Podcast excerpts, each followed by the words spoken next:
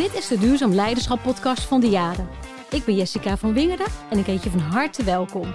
We gaan in gesprek met leiders en professionals en verdiepen ons samen in de wereld van duurzaam leiderschap. Neem je graag mee op deze inspirerende reis vol inzichten, waarbij we samen bouwen aan een duurzame toekomst.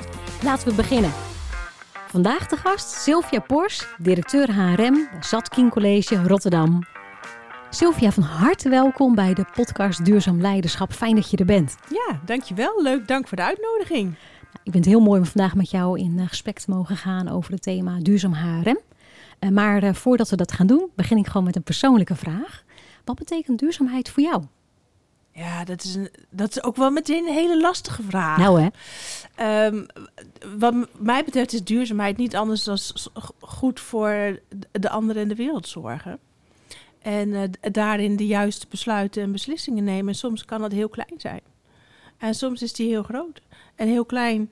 Weet je, als ik even mijn 10.000 stappen doe op een dag, wat duurzaam is voor mij, ja. dan ruim ik meteen even de rotzooi op die ik tegenkom op straat. En om de zoveel meter is er wel weer ergens een prullenbak, dus ik heb ook snel mijn handen weer leeg. Dat is ook duurzaamheid, maar dat is gewoon echt heel simpel en klein. Um, maar die 10.000 stappen is weer duurzaamheid voor mijzelf. En weet je, zo kan je hem op alle niveaus kan je het hebben over duurzaamheid. Dus ik vind dat ook meteen een hele lastige. Hmm, wel een mooi voorbeeld wat je geeft, die combinatie. Ja, toch? Ja, ja. Nee, zeker, absoluut. Hey, nou heb je uh, veel ervaring ook in uh, nou ja, zowel toezicht houden als ook managementposities en het HR-vak. Ja? Um, een, een, thema wat steeds meer opkomt is duurzaam HRM. Kun je ja. eens toelichten voor de luisteraar wat duurzaam HRM is? Ja, ook dat is een, een, een begrip, een collectief begrip, mm -hmm. waar je van alles aan kan, uh, van kan vinden en aan kan doen. Mhm. Mm -hmm. Maar wat mij betreft gaat het om, als je het over duurzame HRM hebt, is, is je mensen in je organisatie dusdanig begeleiden, uh, uh, opleiden, trainen, maar ook een mooie werkplek geven die, ja, die bindt en boeit. En waar we goed zijn voor onze mensen, in plaats van dat we onze mensen um, in zo'n organisatie leegtrekken aan energie. En uh, ja, er, echt, er ook echt voor hen zijn. En dat is niet altijd makkelijk, want als HR heb je daar maar een hele kleine ja. rol in. Dan moet je uiteindelijk samen doen. Uiteindelijk wel, ja. En als je naar duurzaam HRM, ik vind het wel een mooie toelichting die je geeft. Hè? Want het gaat er echt om dat je nou ja, naar de mens kijkt in de organisatie. Je verantwoordelijk voelt dat mensen in een goede balans met welzijn. Ja, aan de ene kant natuurlijk lekker kunnen werken en betekenisvol werk hebben. Maar ook ja. hè, dat duurzaam kunnen doen. Als je kijkt naar duurzaam HRM in de praktijk. Hoe ziet dat er in de praktijk dan concreet uit? Wat, welke keuzes maak je misschien dan wel als een, uh, als nou in dit geval nou, directeur HR bijvoorbeeld? Ja, weet je, het gaat sowieso om als je je organisatie presenteert als duurzaam werkgever, dat het ja. ertoe doet. Dat, maar dat het ook echt is. Ja. He, ga geen dingen verkopen die je, als organisatie niet waar kan maken. Want dat gebeurt te veel. Ja. Uh, dat hoort niet. Dat vind ik echt niet oké. Okay. Dus als je mensen binnenhaalt uh, met het verhaal, maak dat verhaal waar. He, en, uh, en, en, er is geen perfecte werkgever. Nee. Want uiteindelijk gaat het over de relatie tussen werkgever en werknemer. En dat maak je met elkaar. Dus, uh, maar je kunt er wel van alles aan doen. Hè? En uh, dat, ik vind de vitaliteit, de gezondheid, Ja. het wel, well-being, hè, tegenwoordig Ja. een nieuwe term, uh, voor onze mensen echt belangrijk. Ja. Ja, en nou, daar moet je voor zijn. Maar daar heb je vooral ook leiders voor nodig die dat doen. Want wij van de HR kunnen een aantal dingen faciliteren en organiseren. Maar wij zijn niet in gesprek met alle medewerkers. Nee, dus heb je ook echt de leiders voor nodig om het goede gesprek met mensen te voeren. Zeker, ja.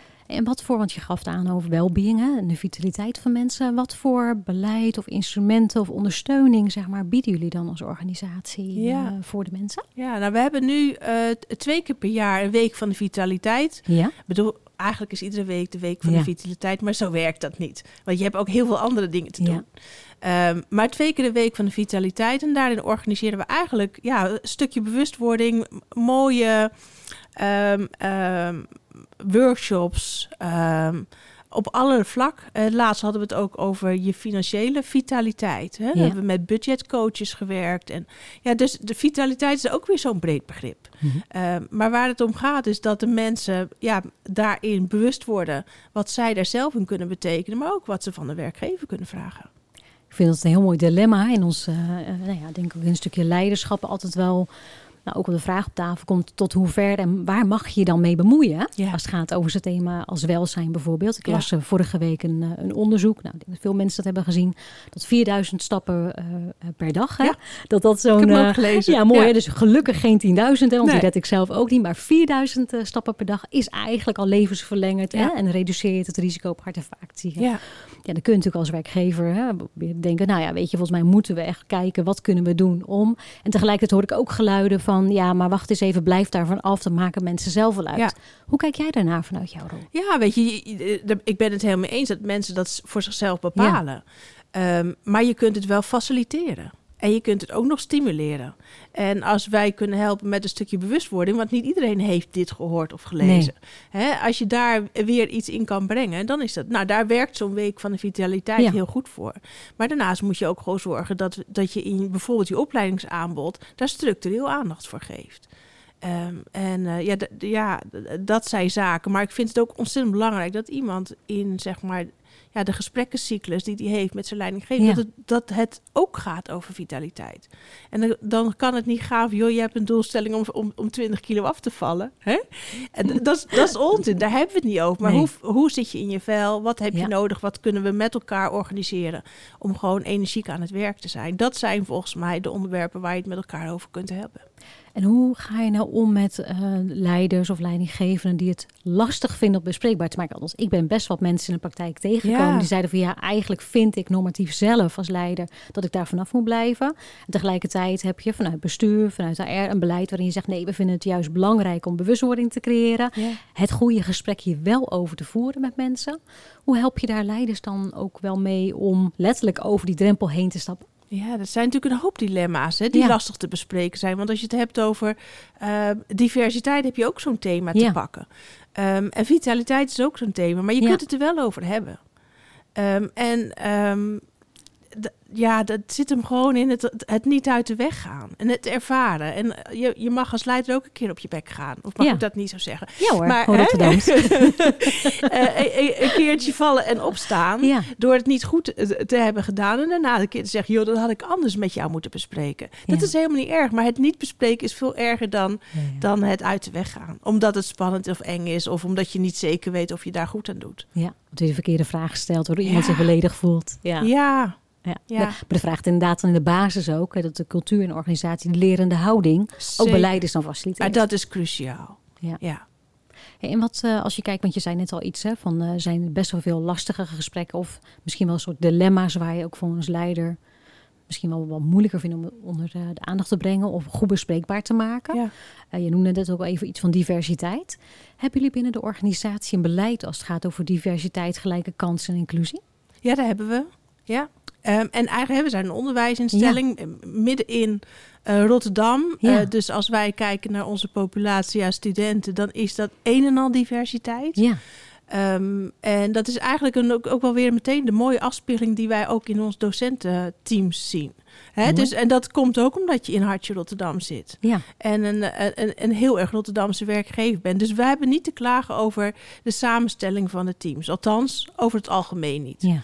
Ehm, maar eh, het gaat er wel om, wat doe je daar vervolgens nog meer mee? Want het Ja. hebben van een mooi samengesteld team wil nog niet zeggen dat je het doet aan diversiteitsbeleid. ja. Eh, maar we hebben eh, sinds een jaar nu dialoogtafels over Ja. diversiteit en inclusie. En daar hebben we het met medewerkers die daar zelf voor openstaan. Daar zijn we mee begonnen, want daar zit energie. Ehm, om gewoon ook die dilemma's maar eens met elkaar te bespreken. Wat doe je nou wel, wat doe je nou niet? Eh, wanneer mag je iets bespreken met je studenten of met je collega's? Ehm, en die dialoogtafels doen best veel goed. Ja? Wat, eh, wat krijg je zo terug van, eh, van mensen die misschien niet degene zijn die zelf vooraan staan zeggen: joh, ik ben een adept en ik wil dat gesprek voeren. Wat krijg je voor feedback uit de organisatie dat überhaupt de dialoogtafels er zijn? Nou, op zich best positief. Alleen niet iedereen meldt zich daarvoor aan. Hè? Nee. Dat heb je natuurlijk al snel als je, Ja. als je het uitgaat dat dat soort dingen niet verplicht zijn. Maar het verplichten, dat is nou weer echt Nee. totaal de verkeerde kant. Dus Ja. wat we doen is we stimuleren het. Ja, En eh, als iemand enthousiast is en die zit aan de dialoogtafel, dan heb, heb je dit wel eens deze discussie in je team gevoerd. Ja. Nee, dat vind ik spannend en eng. Nou, weet je, dan kunnen we daarop inspelen. Dan kunnen we zeg maar, dat kunnen we begeleiden. mooi. Hè? En eh, ja, daar hebben we dus een heel mooi team voor. ehm, die daar eh, ja, een, een warm hart voor hebben. En dat gewoon ook weer naast hun, hun, hun docentschap doen. Oh, prachtig. Dus dan zorg je er eigenlijk dat de, de passie of de verbinding die mensen hebben op zijn onderwerp, dat je hen daar ook ruimte geeft eigenlijk om er meer in te doen Ja, je organisatie. ja, en dat, dat is volgens mij ook de kern van je- HR. Weet je, zet Ja. mensen in op hun talent of waar zij blij van worden. En dat kun je natuurlijk niet altijd doen. Nee. Maar in heel veel gevallen kun je daar best een beetje meer in doen. En als ja, mensen hier een warm hart voor en die hebben we gelukkig in de organisatie, Ja. dan moet je die daarop inzetten. Ik vind het wel heel interessant. Rotterdam is een hyperdiverse stad. Hè? Ja. Daar zijn er natuurlijk maar 13 van in de wereld. En wij hebben er Nederland twee. Nou, ik zeg altijd, tuurlijk, kunnen wij onderling wel zeggen. Uiteraard Rotterdam hè, op nummer 1 en, en Amsterdam. Nou vraagt dat inderdaad ook echt iets als het gaat over... Je zegt, we hebben mensen heel divers... omdat er gelukkig ook de docententekort... een, eigenlijk een afspiegeling is Ja. van de samenleving in de, in de stad. Ja. Maar er is best wel veel nodig om dat eh, goed te laten werken volgens mij. Zeker. Hè? Dus je dialoogtafel is een mooi voorbeeld. Als het gaat over eh, rolmodel zijn voor de leerlingen, het inclusieve stuk, zijn daar nog specifieke dingen die jullie daarin doen of faciliteren of ontstaat dat spontaan? Nou, dat ontstaat grotendeels omdat je natuurlijk zo'n divers docententeam hebt. Ja, Eh, sterker nog, ook dat is door te vertalen naar ons leiderschapsteam. Hè? Dus Ja. we zien ook dat de teamleiders net zo goed van alle rangen en standen zijn. ja, Ehm, en dan ontstaat dat wel. Maar je moet het wel blijven benoemen en faciliteren. Je kunt het niet, niet vanuit gaan dat het vanzelfsprekend is en blijft. Hè, dus het er continu over hebben vinden wij wel belangrijk. mooi. Er was een recent een onderzoeksrapport uitgekomen van McKinsey. Die hebben wereldwijd onder 2500 leiders hebben ze onderzoek gedaan om te kijken naar wat zijn nou eigenlijk de grote uitdagingen en, en veranderingen waar je als organisatie op in moet spelen. Nou, ja. Die DEI, hè, de diversiteit, gelijke kansen en inclusie, is nog steeds een, eh, een aandachtspunt tussen wat je aspiraties zijn en wat je op papier zet, wat je wil zijn, Ja. versus wat mensen echt ervaren om het werkelijk van papier te krijgen. Wat zijn voor jou gewoon drie tips die je een ander zou kunnen geven als je zegt van nou weet je, dat zijn de drie dingen die je zou kunnen doen als je het van papier af wil krijgen en werkelijk levend in je organisatie krijgen en houden. Ja, je hebt in ieder geval een paar rolmodellen nodig in je Ja. organisatie. Maar dat is dus ook in je leiderschap. Hè? Ja, Ehm, dat moet wel uitgedragen worden. Het moet wel iets zijn dat je van boven tot onder voelt in de organisatie. Want dat is eigenlijk waar ik net mee begon. ja, Als je gaat zeggen, joh, we zijn een enorme eh, eh, eh, diverse club, maar vervolgens komt iemand binnen en eh, eh, dat is totaal niet het geval. Ja, dat is niet geloofwaardig. Dus ik vind geloofwaardigheid een hele belangrijke. ja, Eh, ik vind het faciliteren van daar waar energie zit heel belangrijk, maar dat heb ik eigenlijk net al gezegd. En ehm, ja, de derde, je wilde de drie. Ja. Ja, ehm, nou, dat vind ik eigenlijk lastig. Ik vind het, het je, je cultuur moet het, het, het stimuleren. En eh, vanuit HR kunnen we dingen faciliteren. ja. Maar dat is eigenlijk wat we kunnen doen. En verder moet het ontstaan, ehm, omdat we daar met z'n allen in geloven. Ja, maar het vraagt dus wel ook vanuit HR, hè, want dat hoor ik je ook zeggen duidelijk. Daar moet het ook wel letterlijk niet in een vorm zijn van, goh, hè, dit is wat een beetje de nieuwe, nou als je een HR-opleiding, dan krijg je dit allemaal mee nu, hè, Ja. dus we doen dat Ja. dan maar omdat dat of de trend is of dat je dat meekrijgt. Nee, je moet oprecht voelen. Ja. En ook vanuit HR daar keuzes in maken. Dus, Enorm. Weet je, Ja. dat begint ook al bij je recruitment, hè? Ja. Dus hoe, hoe werf je? En, Precies. en wie werft er? Ehm, want we weten allemaal dat we allemaal door een bril kijken. Ja. En eh, een divers recruitment team, en dat is, is lang niet voor iedereen, eh, hè, heeft die omvang dat je een heel recruitment team kunt hebben. Maar degene die ehm, dat faciliteert, dat proces, die moet zich daar ook al bewust van zijn. Hè, kijk eens naar je uitingen op je website. Wat, hoe zien die eruit?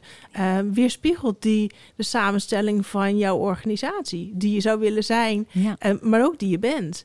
Eh, dus, ehm, en, hoe selecteren wij als we cv's binnenkrijgen? Want we zijn allemaal bevooroordeeld. Ja, ik zeg niks nieuws, want volgens mij zijn we hier allemaal wel van doordrongen. Maar Eh, toch, maar toch, hè? ook als HR-professional, Zeker weten. En ik had laatst zelfs in mijn team een vacature en eh, twee meiden, eh, de teamleider en, eh, en een, een adviseur die samen dan een nieuwe collega zoeken. Ik zeg, ja, maar jullie moeten wel even iemand anders zoeken. Iemand anders dan jullie zijn, want jullie lijken best veel op elkaar. Ja. Ga daar nou eens mee aan de slag. Nou, dat is gelukt. Volgens mij was een mooie, mooi iemand op het oog. Die totaal anders is in de diversiteit. En dat is niet omdat het dan, hè, want het is het, waarschijnlijk ook wel weer een vrouw, maar totaal andere kwaliteiten met zich meebrengt.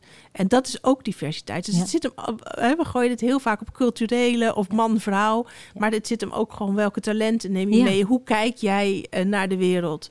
Ehm, wat zit er in je rugzak aan, aan ervaring, levenservaring? Nou, het is hun gelukt om een aanvullend iemand op hun te vinden. Nou, Ja. dat vind ik mooi. Zo klein kan het ook zijn. Ja. En misschien is dat ook wel de kern van de zaak. Dat je dus ook echt gewoon veel bewuster bent dat het echt een onderdeel is van het HR-vak. Is dat je voor DIE echt letterlijk, ja, daar moet je gewoon werk van maken. Dus. Ja, daar moet je werk van maken. En daar moet ieder leider werk van maken. Ja. Dat, doe je Ja. dus, dat doe je dus ook En je gewoon door eigen samen. vooroordelen kennen. Je daar bewust van zijn. eh, en je ook eens durven laten verrassen. Dat is een mooi, mooie takeaway ook. In die zin eh, laat je ook gewoon verrassen. Ja. Misschien, hè? Voor de meeste leiders en managers toch een beetje in de controle. Maar laat het Ja. maar gewoon eens los, inderdaad. Ja. mooie tips, dankjewel uh, Sylvia. Ja, als je kijkt naar een ander uh, vraagstuk... waar heel veel werkgevers nu mee te maken hebben... en ook in het onderwijs is natuurlijk het tekort aan professionals. Ja. Gewoon een tekort aan mensen.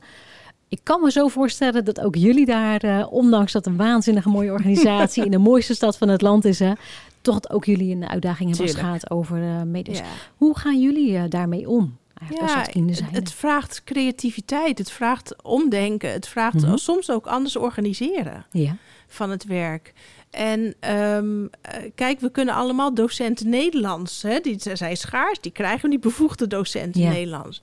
Dus uh, door te kijken hoe kun je het vak Nederlands anders integreren in je lessen, waardoor je niet altijd een docent Nederlands hebt, maar toevallig iemand die het vak. Uh, commerciële economie geeft, ja. maar wel uh, ook de Nederlandse taal goed vaardig is, waardoor hè, je, uh, je, je examenstaken, klussen uh, meteen het Nederlands in mee kan nemen. Dat is de winst, dat is dat omdenken.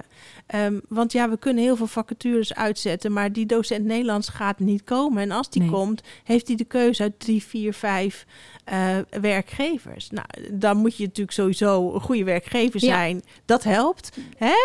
Um, maar ja, daar moet je niet meer op blind staren. Dus wat we ook doen, is veel samenwerken met de hogescholen. Hè, dus met de lerarenopleiding. Uh, en dat doen we ook niet alleen. Ik vind samenwerken is volgens mij het allerbelangrijkste met elkaar. En, ja. uh, en onderwijsbesturen zijn geen concurrenten van elkaar op de arbeidsmarkt. Ja. Dus help elkaar um, met de integratie van een, van een medewerker. Help elkaar door elkaar eens te gunnen een kijkje in de keuken van een ander te nemen. Uh, dat helpt, want daarmee zet je je deur open en kunnen mensen zo enthousiast worden van jouw organisatie. Ik vind het wel mooi wat je nu ook net raakt, uh, Sylvia. Want uiteindelijk, uh, terecht wat je zegt, het onderwijs, je bent geen concurrent van elkaar. We, met elkaar hebben we een maatschappelijke Juist. uitdaging. Hè? Ja. Met tekort aan, uh, aan leerkrachten en professionals die het onderwijs vorm kunnen geven. Uiteindelijk gaat het natuurlijk maatschappelijk om dat we zorgen dat alle kinderen en jongeren echt de kans krijgen om zichzelf natuurlijk gewoon te ontwikkelen. En Juist. de beste, hè? eigenlijk hun ja. eigen talenten te Daar vinden. Daar zit ons hogerliggend doel. Ja. En um, ja, natuurlijk zijn we allemaal georganiseerd hè? in ja. onderwijsbesturen, uh, onderwijsorganisaties. Maar ik vind dat wij vanuit HR daar prima overheen kunnen stijgen. Dus dat probeer ik ook te doen. Ik, ik ken de meeste HR-directeuren ja. in de omgeving van Zatkin. Uh, en daar werken we mee samen. En de ene keer wat succesvoller dan de andere keer. Uh, maar ook met de gemeente Rotterdam werken ja. we samen als het gaat over ja, wat kunnen we doen om die krapte op de arbeidsmarkt te verminderen. Dus uh, ja, ja, en dan zijn alle kleine stapjes zijn één. Ja, de samenwerken is wel een belangrijke factor als het gaat over die tekorten. En zorgen dat je vooral het onderwijs gewoon kunt blijven vormgeven. Zeker. En ja. niet blind staren op alleen maar je eigen werving, je wervingstrajecten. Nee. Want daar moet je het gewoon niet van hebben. Zou dat nou ook voor andere sectoren? Want ik vind het een heel mooi voorbeeld. Hè? Je zegt, joh, ik werk ook gewoon samen met de andere directeuren haar van de schoolbesturen, met de gemeente. Dus je krijgt ja. veel meer, joh, we hebben met elkaar een opdracht. Zou die aanpak ook voor andere sectoren succesvol kunnen zijn? Ja, ik geloof ook dat dat ja. al gebeurt. Okay. Volgens mij zijn we al zo ver in Nederland uh, met onze tekorten dat we niet anders kunnen. Dus ik zie ook dat omdenken, het anders ja. organiseren, natuurlijk in andere sectoren als de zorg ook gebeuren. Ja. Nou, mooie, mooie voorbeelden denk ik ook voor anderen om over na te denken. Misschien wel breder, hè? niet alleen op het stukje van uh, tekorten aan uh, professionals, maar breder kun je nog slimmer vanuit die samenwerking ja. dan soms ook innoveren of meer bereiken eigenlijk Zeker. met elkaar. Ja. Mooi. En, en daarnaast, als ik je nog even ja, mag aan, zeker. ik vind ook echt wel, we moeten veel meer inzetten op behoud. Weet je, want ja. ja. nieuwe mensen naar binnen halen. We weten dat, dat, dat er weinig mensen op de markt zijn. Er komen ook steeds minder mensen vanuit de lerarenopleiding ja. of de docentenopleiding uh, um, uh, de arbeidsmarkt op. Mm -hmm. Dus we moeten vooral zorgen dat we de mensen die we binnen hebben uh, vasthouden. En wat is daarvoor nodig? Ja, daar, gaat je hele HR-beleid spelen, maar vooral je, je, je leiderschap. Ja, want wat, is, wat maakt dat leiderschap zo'n cruciale rol heeft in het behouden van, uh, van je professionals? Ja, voer je het gesprek? Weet je wanneer iemand niet zo lekker in zijn vel zit? Wat kun je doen om het uh, iemand weer wat beter op zijn plek te laten? Is het misschien net een ander team? Um, hè, sommige mensen kunnen in het ene team heel vastlopen en een ander team helemaal floreren. Dat ze denken, ja, wat ging daar mis dan? Um, en dat moet je stimuleren. Daar moet je als leidinggevende over je eigen uh, uh, ja, het ego team misschien. Ja. soms eigen ego heen ja. durven kijken. Om te zeggen, joh, ik heb hier iemand, ik weet er even geen raad mee. Um, maar ja, een, neem hem eens twee, drie maanden, vier maanden. Geef hem eens een kans. En misschien, misschien is dat het wel. En zo niet, nou, dan ontvang ik hem graag terug met die levenservaring weer.